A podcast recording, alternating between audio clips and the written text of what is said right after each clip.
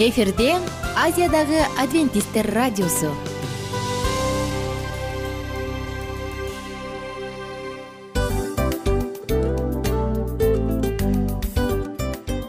Достор салют. Баардык сүйүктүү угармандарыбызга салам айтабыз. Кутман күнүңүздөр менен. Ден соолук өмүрдүн булагы демекчи саламат саамы программасында баарыңыздарды көргөнүбүзгө абдан кубанычтабыз. Анда алгач амандашып өтөлү арбаңыздар деп. Ден соолугуңуздар кандай элибизде көбүнчө ден соолук кандай дегенде эле жакшы деп жооп беребиз э ооруп турсак дагы жакшы дейбиз. Анан мен муну айтып ойлойт элем бул абдан сонун сөз депчи анткени бул жакшы деген үмүт да э ооба баары жакшы болот. Баары сонун. Деп үмүттөнүп атып эле өзүбүздү өзүбүз дарылап коебуз. Анысы кандай? Сиздин дагы ден соолугуңуз жакшы беш деген үмүттөбүз чындыгында ден соолук бул өмүрдүн булагы деп бекеринен айтылган эмес деп ойлойм. Кыргыз элинде анткени эгерде ден соолук жок болсо анда адамдын жашоосунда калган баардык керектүү маңыздуу нерселер өзүнүн баалуулугун жоготуп коет. Ошондуктан ден соолук бул эң керектүү нерсе. Ооба туура айтасың кесиптешим. Чынында ден соолугуң жок бир эки үч күн ооруп калсаң эле э кандай болуп калат? Жашоодо көз каранды болуп каласың көп нерсеге жетишпей каласың көп нерсени кыла албай каласың жада калса эчке дүкөнгө да чыга албай каласың. Туптуура анан ден соолук болсо демек биз биздин бактыбыз тоодой деп койсок болот. Анда достор саламат саамы рубрикабызды баштайлы. Алдыда өзүңүзгө керектүү болгон сонун кеңештерди уга аласыздар. Мына ошондуктан биз менен бирге болуңуздар. Ал эми биз болсо милан жана айнура. Кеттик алга. Алга саламат саама ден соолуктун жарчысы. Саламат саама ден соолуктун ачкычы. Күн сайын сиз үчүн мыкты кеңештер сонун жаңылыктар кызыктуу фактылар. Биздин рубрикада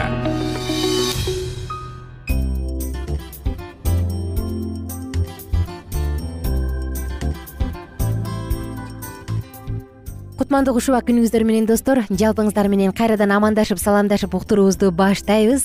Мурунку уктурууда биз сексуалдык зордук зомбулукка жок деп айтабыз деген теманы карап өткөнбүз. Жана жалпыңыздарга белгилүү болгондой эгер уккан болсоңуз биз аял затына жасалган сексуалдык мамилелердин бирден бир бөлүгүн айтып өткөнбүз.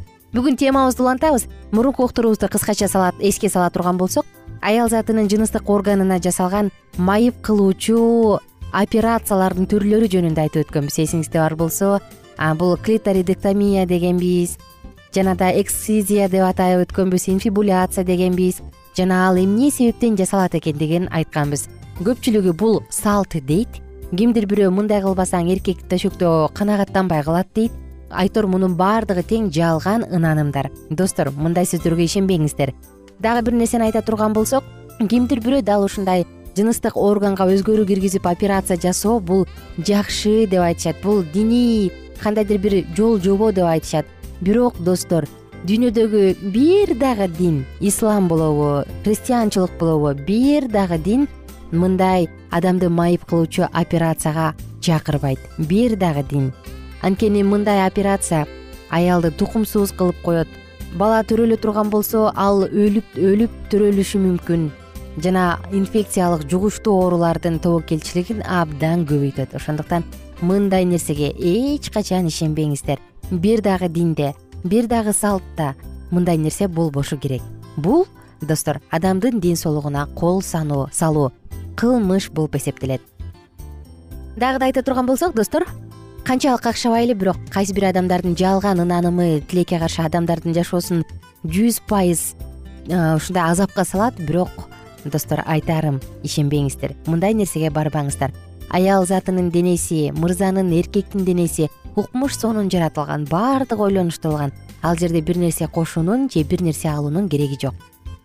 Дагы бир зордук зомбулуктун түрү бул балдарга көрсөтүлгөн зордук зомбулуктар. Тилекке каршы. Балдарды зордук сексуалдык мамиле сексуалдык кызыкчылыктарда колдонуу бул анын жеке инсандыгына кол салуу анын денесин басынтуу болуп эсептелет. Бир миң тогуз жүз сексен тогузунчу жылы бириккен улуттар уюмунун генералдык ассамблеясында сонун бир балдардын укугу жөнүндө конвенция кабыл алынган жана ал конвенция бүгүнкү күнгө чейин иштейт. Ал жерден айтат ар бир өлкө өзүнүн балдарынын сексуалдык эксплуатациядан жана ар кандай сексуалдык бузукулардан сакташ үчүн ар кандай мера деп коет эмеспи чараларды көрүүгө дейт. Мына ошондуктан дал ушул милдет так иштей турган болсо анда кудайга шүгүр. Дүйнө жүзү боюнча тилекке каршы секс туризм деп аталган балдарды эксплуатациялоо кеңири жаралып кеткен таралып кеткен. Бул нерсеге каршы согушуу жакшы. Айтып атабыз айтып атабыз эми балдарга карата көрсөтүлгөн сексуалдык зордук зомбулукту кантип алдын алса болот? Эгерде сиз ата эне болсоңуз же болбосо бала багып алган болсоңуз анда сөзсүз түрдө балаңыздын жашоосуна көзөмөл жүргүзүңүз. Алар кайсы чоң адамдар менен сүйлөшүп жатат ким менен баарлашып жатат ким менен достошуп атат ошонун баардыгына көңүл буруу жакшы. Анткени балдарды ким бузат? Көбүнчө улуу адамдар жакшы тааныштар же болбосо алардын ата энелеринин достору э, кошуналар бир тууганы дос үй бүлөнүн досу болушу мүмкүн. Анткени алар баланын ишенимине алгач кирип алат кичинекей кезинен эле кичинекей бөбөктөрдү улуу адамдар менен жалгыз барба. Сенин жыныстык органдарыңа бирөө дагы адам тийгенге акысы жок. Андай нерседен кач эгерде бирөө ушинтип аракет кыла турган болсо же кыйытмай таштай турган болсо дароо мага айтып кел коркпо мен сени урушпайм мен сени коргойм деп балага туура түшүндүргөн жакшы. Балдардын караңгы жерлерде жүрбөгүлө балам. Мондай мондай болушу мүмкүн деп айтып чоочун машиналарга түшпө чоочун адамдар менен сүйлөшүп барба жанына деп кичинекей кезинен үйрөткөн жакшы. Андан сырткары ата энесинин көзөмөлү жок улуу адамдардан белек алба деп айтканыбыз жакшы. Анткени мунун баардыгы тең балабыздын саламаттыгы үчүн. Ал эми бала ар бир адам ар бир ата эне үчүн эң эле баалуу. Жана достор акыркысында биз сексуалдык зордук зомбулуктардын катары бул эмне десең бул зордук зордуктоо бүгүнкү күндө зордуктоо эркектин же аялдын эркине каршы сексуалдык мамилеге барууга мажбурлоо бул зордуктоо болуп эсептелет. Жана бул чоң кылмыш. Зордуктоого ким кабылат? Кичинекей балдар дагы жана улуу адамдар дагы. Эгерде аялды зордуктап кете турган болсо анда анын жыныстык органдарынын кайсы бир бөлүктөрү айрылып анын денесинин башка бөлүктөрү дагы жабыркашы мүмкүн жана албетте мындай нерсе эмнеге алып келет десең жыныстык оорулар аркылуу жыныстык органдар аркылуу жуга турган инфекцияларга ооруларга жана күтүүсүз жагымсыз кош бойлуулукка алып келиши ыктымал достор сактансаң сактармын деген сонун сөздөр бар эмеспи? Адамдын адам экенин билбей сыйлабаган адамдар дагы жок эмес. Адамдын көз жашынан бери баалап сыйлаган адамдар дагы жок эмес. Дүйнөдө биздин тегерегибизде жакшы адамдар көбүрөөк эле болсунчу деген үмүт бар. Кандай гана учур болбосун кайсы гана жер болбосун кайсы гана учур кайсы гана күн болбосун балдарды чоңдорду дагы башка адамдарды сыйлаганга алардын укугун алардын көз карашын алардын оюн алардын тандоосун сыйлаганга үйрөтө турган болсок анда бул бизди көптөгөн кыйынчылыктардан качып кутулууга жардам берет. Ошондуктан келиңиздер келечек муунду жагымдуу жана акылдуу кылып тарбиялаганга жаратканыбыз жардам берсин адамдын жашоосу адамдын өмүрүнө эч ким кол салганга укугу жок деп үйрөткөнүбүз жакшы балдарды. Анткени бул нерсе баланын болочокто адам катары формулировка болушуна жардам берет. Достор акырында эмне дейбиз? Өзүңүздү жана өзүңүздүн жакындарыңызды тууган туушканыңызды балдарыңызды сактаңыз коргоңуз. Сиздер менен болсо убактылуу гана коштошобуз аты жөнүм айнура миназарова. Жалпыңыздар менен кийинки уктуруудан амандашканча сак саламатта калыңыздар. Сексуалдык зордук зомбулукка жок деп айтабыз деп биз менен бирге ураан кылыңыз. Мындай нерсе болбосун дүйнөдө көзү жашы төгүлгөн ыйлаган ата эне бала болбосун. Күнүңүздөр көңүлдүү улансын саламат саама ден соолуктун жарчысы. Саламат саама ден соолуктун ачкычы. Күн сайын сиз үчүн мыкты кеңештер сонун жаңылыктар кызыктуу фактылар биздин рубрикада. Салют замандаштар баарыңыздарга ысык салам.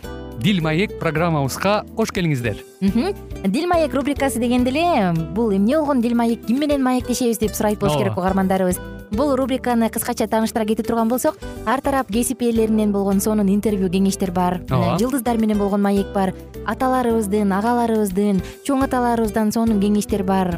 Ошондой эле эже сиңдилердин кеңештери бар айтор. Баардык кызыктардын баары алдыда. Негизи эле адам баласы бир кимдир бирөөнө ишенип сырын ачкысы келет эмеспи э мындай баарлашууга жакын келебиз го. Албетте негизи бир жерге отуруп алып кенен шашпай баягы жүрөктөн жүрөккө ачып сырларыбызды ар кандай көйгөйлөрүбүз менен бөлүшүп баягы чын жүрөктөн маек курганды кимибиз сүйбөйбүз э? Ооба десең ал нерсеге суусап да келебиз да. Ооба кээ бирде адамга чындыгында баягы э, ысык маек баягы жылуу маек жетишпейт да. Ошондуктан биз ушул рубриканы ойлоп тапканыбызда эң биринчи эле достор сиздер менен чын жүрөктөн бир маңыздуу темаларды козгоп кеткени э, кааладык. Ошондуктан ушундай сонун бир рубриканы тартуулап жатабыз. Анын үстүнө радио дагы сонун дос да. Анткени э, мындай учурда досуңа айтсаң досуң досуна айтат досу досуна айтат да анан бүт өлкө билип калышы мүмкүн го.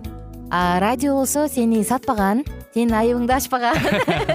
Сенин сырыңды эч кимге айтпаган сонун дос мына ошондуктан биздин алдыдагы айта турган кеңештерибизди биздин досторубуздун кеңештерин угуп анан ал жака пикириңизди дагы калтырып кайрадан биз менен байланышсаңыздар болот. Деги эле жашооңузга эгерде кичине болсо дагы өзгөрүү алып моралдык жактан нравовик жактан сонун бир кеңештерди алсаңыз демек биз максатыбызга жеттик. Ооба. Чыңгыз атабыз улуу жазуучу э, чыңгыз айтматов айткандай адам болуу бул күнүмдүк процесс экен. Күн сайын адам бойдон калуу бул адамзатка эң эле кыйын дейт э? э эң кыйын дейт. Чындыгында бунун э, негизинде адамдын эң баягы сапаттуулугу адамдын э, адамгерчилиги жана көптөгөн керектүү нерселер. Мына ошол темалар дагы бизде ушул дил маекте биз аларды да козгойбуз. Ден соолук жөнүндө да сүйлөшөбүз. Сөзсүз түрдө анан милан мырза негизи айтып коюшат го. Биз көбүнчө эмнени ойлонсок ошол нерсеге карата иш кылабыз го. Ооба. Анан анысы кандай? Балким бул радио баракчада кимдир бирөөнүн оюн текшергенге жардам берет кимдир бирөөнүн жүрөгүн текшергенге жардам берет.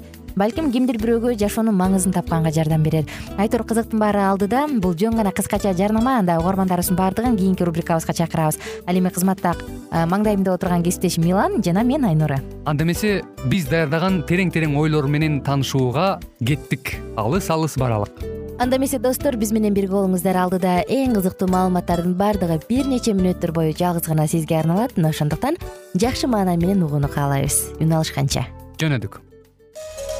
Ар түрдүү ардактуу кесип ээлеринен алтын сөздөр жүрөк ачышкан сыр чачышкан сонун маек дил маек рубрикасында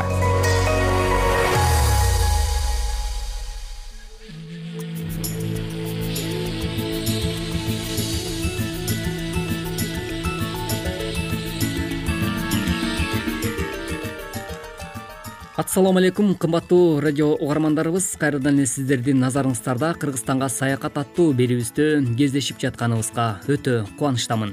Алима апа өткөн берүүбүздө дагы абдан жакшы ушул биздин суроолорубузга жооп бердиңиз эле. Бүгүнкү берүүбүздө дагы сизге карата алгачкы суроом деги эле биздин ата бабаларыбыз э, кыргыз эли өзү өнөргө өтө бай келет эмеспизби.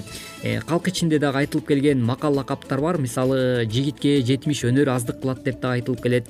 Анысы карындай ушул азыр биз э, музейде көрүп тургандай эле бул жерде ушул кыргыздын мүнөзүнө таандык болгон куракчылык жана ошондой эле чий согуу өнөрү дагы өтө өөрчүгөнүн көрүп турабыз да бул туурасында дагы айтып кетпесек болбос андыктан ушуга дагы токтолуп өтсөк.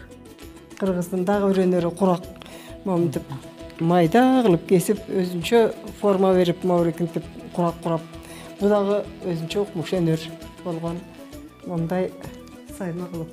Сагынбай атанын э, портрети чыңгыз айтматовдугу саякбай атанын портрети моминтип мына чийди сого турган э, кантип сого тургандыгын көрсөтүп ушинтип беришет экскурсоводдор. Э, бул дагы ошол тирифтик деп коебуз. Бул дагы ошол бизде курманалиев деген болгон ушундай чий токуган портретти жасаган карачы тим эле сүрөт менен тарткандай эле чийи менен жасаган ушуну. Эми ал киши өтүп кетти эми анын балдары улантып атат бирок өзүндөй деңгээлге э, жетип жете албай аракет кылып атышат. Мына моурегиде ошонун колунан жаралган. Амантаев деген аксакалыбыз моурегинтип жыгачтан идиштерди жасаган. Бул ошол жеке буюмдарды ушинтип ушул жака койгонбуз. Мына амантаев дегендики илгеркини окшоштуруп анан моминтип дүмүрдөн ар кандай нерселерди э, силуэттерди кошо кошуп ошо дүмүрдүн өзүнүн турганын пайдаланып ушинтип абдан ишмер киши болгон мамбет айыпова дегендин колунан чыккан нерсе. Башка өлкөлөрдөн туристтердин келүүсү алардын кызыгуусу кандай бүгүнкү учурда? Кызыгуусу аябай кыргыз элинин каада салтына ушунчалык таң калып кетишет моундай кол өнөрчүлүктөрүнө таң калып кетишет. Э, тетиги америкадан жанакы индеецтердин айылы бар го ошол жакта. Ошол жактан бир кыз келип изилдеп ушунчалык биздин көп окшоштуктарыбыз бар экен деп жөн эле алтын таап алгандай сүйүнүп өң башы өзгөрүп жөн эле кыйкырып эметкен убактылар болгон өрмөк да бар экен аякта момундай булгарыдан тетигиндей э, сайма сайып шымдарды жасаганы бар экен. Жөн эле баса калып ушундай таң калып кеткен да. Э, анан көп нерселерге аябай кызыгышат ушу кантип жасайт муну кандай эмне кылат? деп абдан кызыгышат э, анан бул кыргыздын ушундай өзгөчөлүктөрү абдан көп ошону баягы уруттук кыргыздын менталитетин таанытып ошо э, четтегилерге. Анан бобуреке өздөрү сураган учурлары да болот улуу кичүүлөрдү сыйы кандай болот? Ата энеге ата эне менен бала үй бүлөнүн мамилеси кандай болот деп сурашат. Ошолорду айтып беребиз. Айтып ушундай эне атасы менен чогуу жашайт бабушкасын багышат ушундай келиндер мындай болот эң кичүү баласы ушу дайыма үйүнөн чыкпайт мындай деп. Кыргыздын касиеттерин айтканда ушунчалык таң калышат. Алар чоңойгондон кийин эле балдары кетет экен да. Кайдан үйлөндү эмнеге үйлөндү анан баягы анда санда бир көрүшсө көрүшүп көрүшпөсө жок телефон менен сүйлөшүп коюп эле жүрүшөт экен. Бизде мындай жок деп. Анан чанда дейт да. Анан бизде ошо айыл жерлеринде айрыкча элет жеринде ушундай бирге турушат чогуу турушат. Э, баардык жакшы жаманы бирге деп ушундай эметкенде таң калышат. Ал эми апа келечек үчүн дагы кандай иш чараларды каалап турасыздар? Э, аркип жасап атабыз коомчулук менен иштөө боюнча өзүмдүн колуман келгенди музей кыздарына жардам берем опытумду э, анан азыр директорубуз э, командировкада болчу ошон үчүн эми сиз айтып бериңиз деп сакалды деп мага кайрылып калдың айланайын. Аның үчүн рахмат. Анан канчалык деңгээлде э, сурооңду канааттандырдым билбейм иши кылып.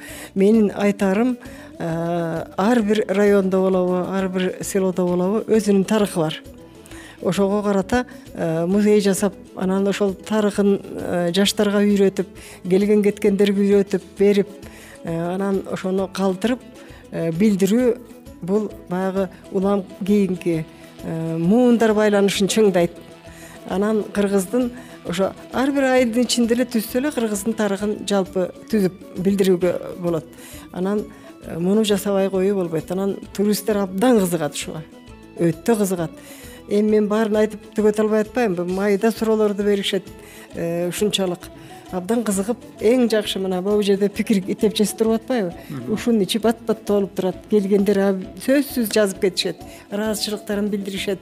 Ушу э, канча киши иштейсиңер деп эметет э, биздин эме корук жагыбызда бар жанакы ташка чегилген сүрөттөрчү петроглифтер деп коебуз. Аныбызда дагы иштейт. Баары биригип жыйырма киши иштейт тетиги эки жерге бөлүнгөн коругубуз эки жерде үч жерге то есть үч жерде коруктун кызматкерлери бар андан тышкары бул жерде бар. Ошо жыйырма киши баарына жетишет баарын ынтымакта ошо улам чогулуп эметип турабыз колдон келгенин жасап атабыз кыргыздын тарыхын чагылдырып маданиятын чагылдырып үрп адатын чагылдырып анан момундай жасалган колунан эмнелер келет дегенин э, даңктаганга кыргыз элинин желегин желбиреткенге зоболосун бийиктеткенге колубуздан келген аракетибизди жумшап атабыз ушу кичинекей чакан коллектив чакан жамаат. Пенсияга чыгып атканда э, эми ушуну кайра баштан дагы азыркы биздин эгемендүүлүккө карата оңдоп бериңиз деп мен пенсияга чыккан мезгилде суранышканынан анан пенсияга чыгып алып он жети жыл директор болуп иштедим ушул жерде. Анан ушул биринчи экспонатынан бери э, колубуз менен чогултуп чогуу ушуну чакан түзүп келатам. Эми жакында э, архивге өткөрүп коюп эмелерди документтерди анан пенсияга биротоло кетейин деген үмүтүм бар чоң рахмат апа сизге дагы ыраазычылык билгизебиз. Атайын алтында болгон убактыңызды арнап биз үчүн алтын маек куруп бергениңиз үчүн сиздердин иштериңиздерге албан албан ийгилик жана ошондой эле кажыбас кайрат бактылуу каарлыкты дагы сизге кааламакчыбыз. Иштериңиздерге ийгилик каалайбыз. Кымбаттуу радио каармандарыбыз ушуну менен бизге бөлүнгөн убактыбыз дагы өз соңуна келип жетти. Бүгүнкү уктурууга назар салып биз менен биргеликте болгонуңуздар үчүн терең ыраазычылык билгизүү менен улан кубанычбеков сиздер менен коштошот кайрадан эле биз сиздер менен кыргызстанга саякат аттуу берүүбүздөн үн алышканча сак саламатта болуңуздар.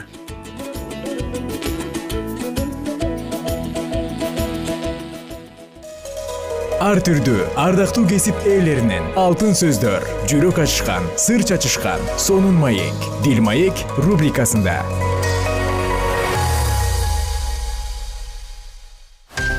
жан дүйнөңдү байыткан жүрөгүңдү азыктанткан жашооңо маңыз тартуулаган жан азык рубрикасы.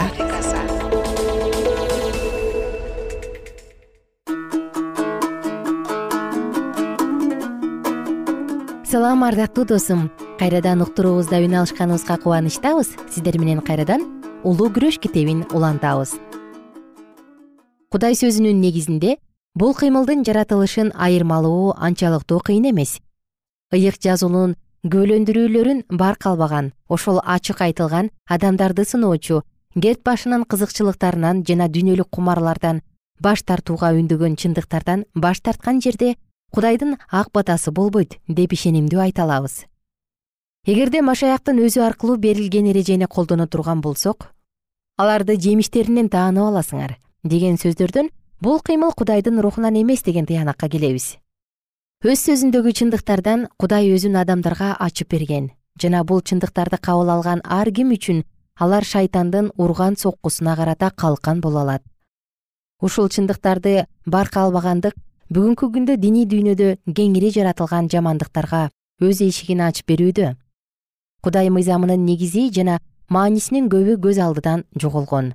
Кудай мыйзамынын талаптары жана бузулгустугу жөнүндөгү көз караштарга туура эмес кароо кайрылууну жана касиеттикти тетирээк кабыл алууга алып келет. Ал эми бул болсо жыйындагы боло турган такыбаалыктын жоголуусуна себеп болууда. Азыркы жыйындарда жанданууда кудай рухунун жана күчүнүн болбой жаткандыгы мына ушуну менен түшүндүрүлөт. Ар кандай ишенимдеги өз такыбаалыгы менен таанымал болгон адамдар ушул чындыктарды моюнга алуу менен болуп жаткан нерселер үчүн катуу туталанышууда профессор эдвард парк азыркы мезгилдеги диндерде туулуп жаткан коркунучтар жөнүндө айтканда кылдаттык менен буларды байкаган. Болуп жаткан коркунучтардын булагынын бири биздин кафедраларда кудай мыйзамы жөнүндө айтууну барк албагандыкта. Башталышында кафедра абийирдин үнү болуп эсептелген. Биздин көрүнүктүү насаачыларыбыз өз үйрөтүүчүсүнүн үлгүсү боюнча жогорку орунга мыйзамды осуяттарды жана тыюу салынган нерселерди койгондугу үчүн салтанаттуу улуулукка жетишкен. Алар эки улуу нерсе жөнүндө айтууну унутушкан эмес. Мыйзам кудайдын жеткилеңдигин чагылдырып турат. Жана мыйзамды сүйбөгөн адам жакшы кабарды дагы сүйө албайт. Анткени мыйзам жакшы кабар сыяктуу эле кудайдын чыныгы мүнөзү чагылдырылган күзгү. Бул суроого шалаакылык көргөзүү күнөөнүн оордугун анын жийиркеничтүү жаратылышынын сезбегендик мыйзам канчалыктуу адилет болсо аны сактабагандыктагы жамандыгы ошончолук жогору. Буга дагы кудайдын адилеттигине баа бербегендик коркунучу кошулат. Азыркы кездеги насаатчылар кудайдын адилеттигин кудайдын ырайымынан ажыраткылары келишет жана ырайымды негиз катарында жогору көтөрүүнүн ордуна алар аны сезимдин деңгээлине чейин төмөн түшүрүүдө. Азыркы мезгилдеги динди териштирген теологдор кудай бириктирген нерселерди ажыратууга аракеттенип жатышат. Чынында эле мыйзам өзү кандай? Жакшыбы же жаманбы? Бул жакшы. Эгерде андай болсо ырайым дагы жакшы. Анткени ал мыйзамды аткарууга каалоо жандандырат.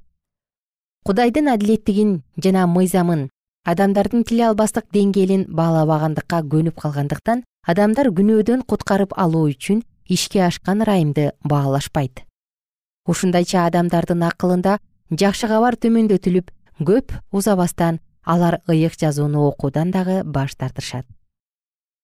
Көптөгөн диний насаатчылар машаяк өз өлүмү менен мыйзамды жокко чыгарган жана адамдар мыйзам талаптарынан бошотулат деп белгилешет мыйзам бул адамдар үчүн оор түйшүк алып келет деген адамдар дагы жок эмес.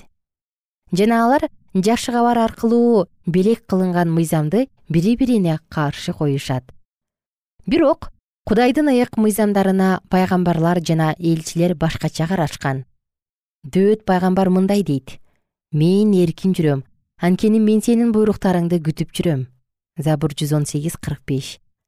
Элчи жакып машаяктын өлүмүнөн кийин он осуятты падыша мыйзамы жана эркиндик мыйзамы деп атаган. Жана ыйсанын өлүмүнөн элүү жыл убакыт өткөндөн кийин жакан мыйзамды сактагандар үчүн кудайдын өзгөчө алкышы төгүлө тургандыгы жөнүндө айткан. Анын парыздарын сактагандар бактылуу. Алар өмүрдүн дарагына укуктуу болушат жана шаардын дарбазасы менен киришет деп жазылган аян китеби жыйырма экинчи бап он төртүнчү аятта. Машаяк өз асмандагы атасынын осуяттарын жокко чыгарат деген сөздөрдүн эч кандай негизи жок. Эгерде мыйзамды өзгөртүү же жоюу мүмкүн боло турган болсо анда машаяктын адамдарды күнөөнүн жазасынан куткаруу үчүн өлүмүнүн кажети жок болмок. Мыйзамды жеңилдетүүгө эч кандай тиешеси жок машаяктын өлүмү анын бузулгустугун далилдейт. Кудай уулу мыйзамды жогору көтөрүп даңазалоо үчүн келген. Ал айткан мени мыйзамды бузуу үчүн келди деп ойлобогула. Асман менен жер өтүп кетмейинче мыйзамдын бир дагы ариби же бир дагы сызыгы өтүп кетпейт жана ал өзү жөнүндө мындай дейт. Мен сенин эркиңди аткаргым келет. Менин кудайым жана сенин мыйзамдарың менин жүрөгүмдө. Забур отуз тогуз тогуз. Кудай мыйзамы өзгөрүлгүс мыйзам. Ал өз авторунун мүнөзүн жана эркин ачып турат. Кудай өзү сүйүү. Жана анын мыйзамдары дагы суу мыйзамдары сүйүү мыйзамдары. Анын эки улуу принциптери булар кудайга болгон сүйүү жана адамдарга болгон сүйүү. Сүйүү бул мыйзамдын аткарылышы. Кудайдын сапаты чындык жана адилеттүү жана анын мыйзамдары дагы ошондой эле өзгөрүлгүс. Забур китебинде мындай деп жазылат. Сенин мыйзамдарың чындык. Сенин бардык осуяттарың адилеттүү жана элчи павыл дагы мындай деп тастыктайт. Мыйзам ыйык осуят дагы ыйык адилет жана жакшы. Римдиктер жети он эки. Кудайдын эркин жана даанышмандыгын чагылдырылган мыйзам мына ушундай. Өзүнүн автору сыяктуу эле түбөлүктүү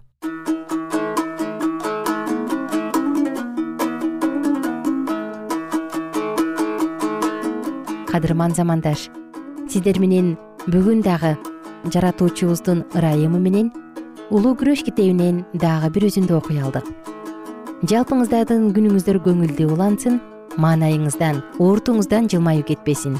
Кийинки уктуруудан амандашканча сак саламатта калыңыздар. Күнүңүздөр көңүлдүү болсун.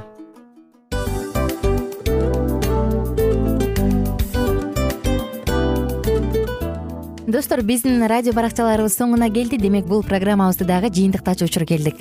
Учурга келдик. Анан кесиптешимден сурагым келип турат. Негизи эле иштин башталып атканы кубандырабы сени же жыйынтыгы кубандырабы албетте жыйынтыгы. Себеп дегенде сен кылган ишиңдин жыйынтыгын көрүп э, баягы мөмөсүн көрүп дегендей жыргайсың. Жүрөгүң жемишинен татып э? Кандай даамдуу деп. Баягы буудай сепкенде эмес буудай эгинди жыйнагандан кийин ысык нанды жегенде кадимкидей ырахаттанасың го. Ой айтпа туура айта кеттиңиз. Сонун салыштыруу болду. Анан мен дагы абдан кубанып турам. Анткени биз угармандарыбыз үчүн аябай эмгектенип келген уктуруубуздун соңуна келип калдык анан эми э, уктуруубуздун соңунда угармандар кандай пайда алып калды экен деп күтүп турам да. Балким э, менин жашоомо өзгөрүү киргизе турган сонун сөздөр болду. Мен ушул нерсени изилдеп анан кабыл албасам ушул нерсени кылбасам деген чечим чыгарсаңыз анда биз абдан кубанычтабыз. Сөзсүз түрдө. Андыктан кийинки биздин кызыктуу уктурууларыбыздан көрүшкөнчө сак саламатта калыңыздар. Чыдамсыздык менен сиздерди мен милан жана кесиптешим айнура күтөбүз баардык угармандарыбызга ийгиликтүү күн каалайбыз. Качан гана болбосун ууртуңуздан жылмаюу кетпесин үйүңүздө көмүр жүрөгүңүздө көңүл болсун дейли